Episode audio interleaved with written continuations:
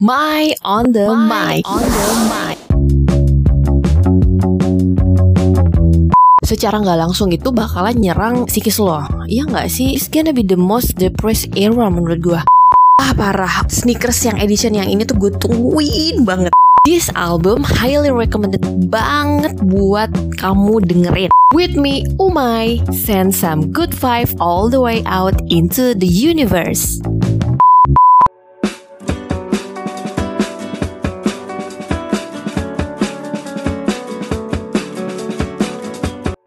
Akhir-akhir ini gue lagi kangen banget untuk ngelakuin hal-hal yang dulu sering gue lakuin atau gue alamin waktu beranjak dewasa guys.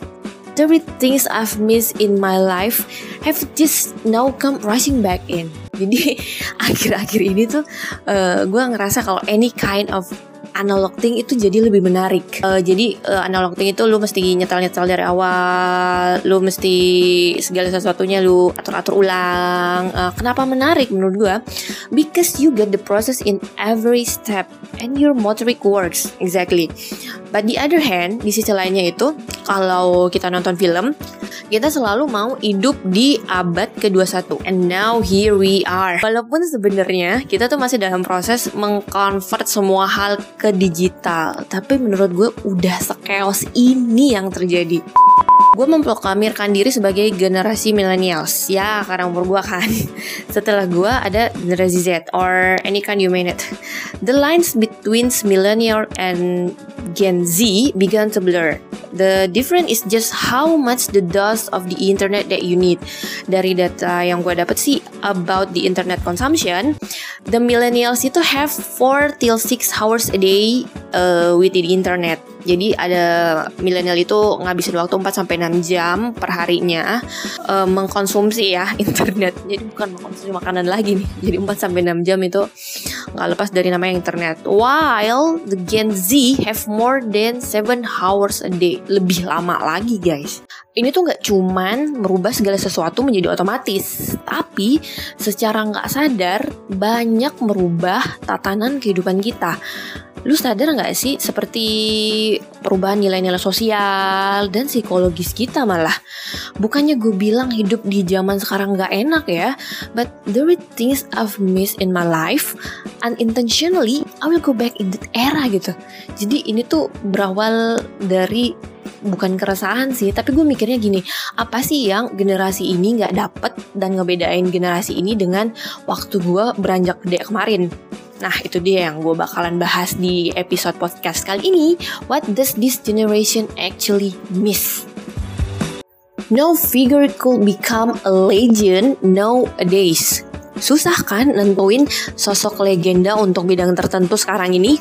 For example, in music industry, who's gonna be the most headliner at the last decade? Bingung kan lo mau jawab siapa? Jadi ini tuh um, muncul di pikiran gue pas gue lagi bangun tidur dan ngeliat sekeliling kamar gue itu kenapa poster-poster musisi yang ada di kamar gue tuh nggak nambah? Itu itu aja dari beberapa tahun terakhir. Sama uh, halnya juga dengan uh, lemari gue gue kan kebetulan uh, suka make t-shirt band kan. Dan gue ngelihatnya kenapa kaos-kaos yang gue punya itu nggak nambah? Dan nggak ada musisi yang lahir atau gedenya di dekade ini guys. Jadi maksud gue gini ada nggak sih band saat ini yang popularitasnya tuh bakal nyamain seperti Metallica, Nirvana, or in post punk I could say Joy Division, uh, Sonic Youth, Yola Tango, or maybe Pet Shop Boys. Mungkin ada beberapa di antara kamu yang dengerin gue berpikiran, ya beda lah Mai. Mereka kan gede di zaman belum secanggih sekarang. Iya sih, yes exactly right. Gini nih, gue bakal mencoba mengurai masalah ini. In the recent decade, there is no dominant media. Jadi nggak ada satu media yang menguasai pembaca secara dominan ya. I mean, media semakin variatif tapi kalau lu mau jadi viral itu lebih cepat dan lebih gampang sih kayaknya. You could pay attention with doing something crazy and then going viral. But it just in that time. Karena viral itu menurut gue cuman sehari dua hari doang. Ya nggak sih?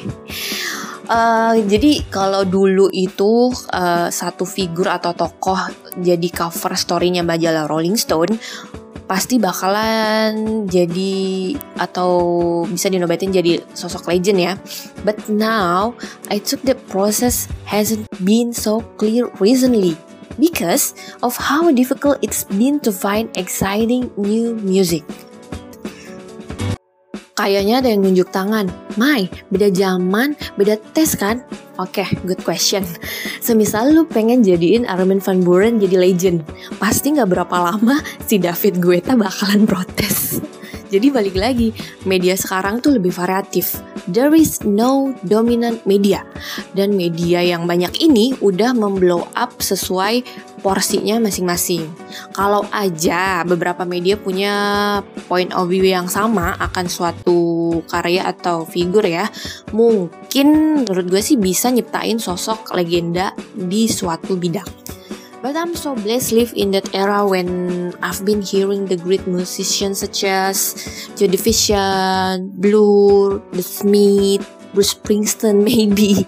Bukannya gue ketuaan ya, tapi kalau kita emang suka musik, pasti lu bakalan penasaran dengan siapa musisi yang nyiptain genre atau subgenre itu sebelumnya.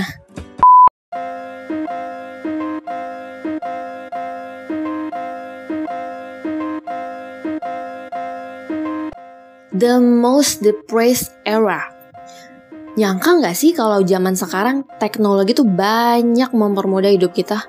Pekerjaan kan terlalu lebih mudah, akses informasi lebih mudah dan cepet, dan kalau lu mau nyari bahan pelampiasan emosi juga lebih mudah guys. Nah, dari data yang gue bilang sebelumnya, kalau millennials itu ngabisin 4 sampai 6 jam konsumsi internetnya. And more 7 hours buat Gen Z uh, atau generasi Z itu lebih dari 7 jam. Dan gue yakin kalau lebih dari 50% waktu konsumsi internet kamu adalah main media sosial. Bener gak? Ngaku gak lo? But I'm not entirely sure kalau medsos itu 100% bisa ngasih positif impact buat kita guys. Apalagi untuk beberapa individu yang secara pemikiran gak kuat. Lu mau cekokin apa aja, mereka iya-iya aja dan siap bakal jadi tim hore.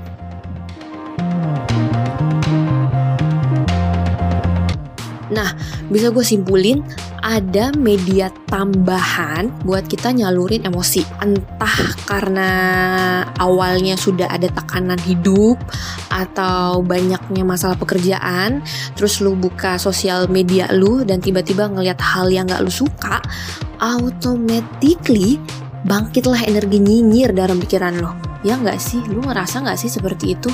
Yang lu iseng-iseng buka atau mungkin ada waktu lu ngebuka sosmed tiba-tiba ada sesuatu yang waduh ini nih kayaknya bisa jadi bahan pelampiasan emosi gue nih. Pernah kan lu ngerasa kayak gitu?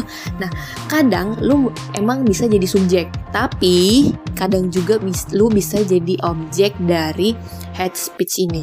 Belum lagi kalau dari diri lu sendiri punya pressure tinggi atau keinginan untuk selalu tampil perfect di medsos. So, this gonna be the most depressed era menurut gue. Itu baru kehidupan medsos loh. Di kehidupan nyata tuh lebih parah lagi.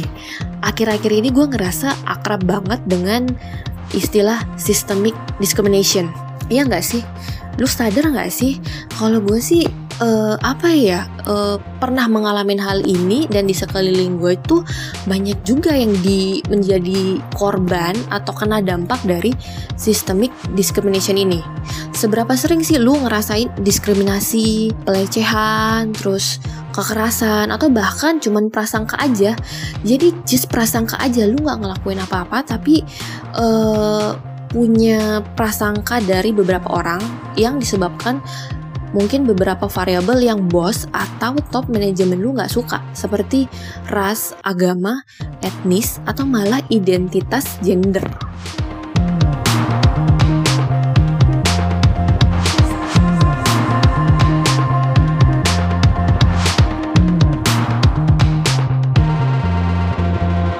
Ya, kita udah ngomong panjang guys Mudah-mudahan kita punya benang merah yang sama ya tentang apa yang nyebabin mental health di zaman ini keganggu. Dan itu juga sih yang mesti gue ceritain ke lo kalau apa sih yang sebenarnya this generation actually miss? Apa yang gak lo dapetin di zaman saat ini? Dan sebaiknya lu banyak belajar dari zaman-zaman yang kemarin di mana bokap nyokap lu bisa sukses mesti lu pelajarin juga oke okay? I'm not gonna taking the analogy too far mudah-mudahan kita bisa hidup saling berdampingan dan tidak menyakiti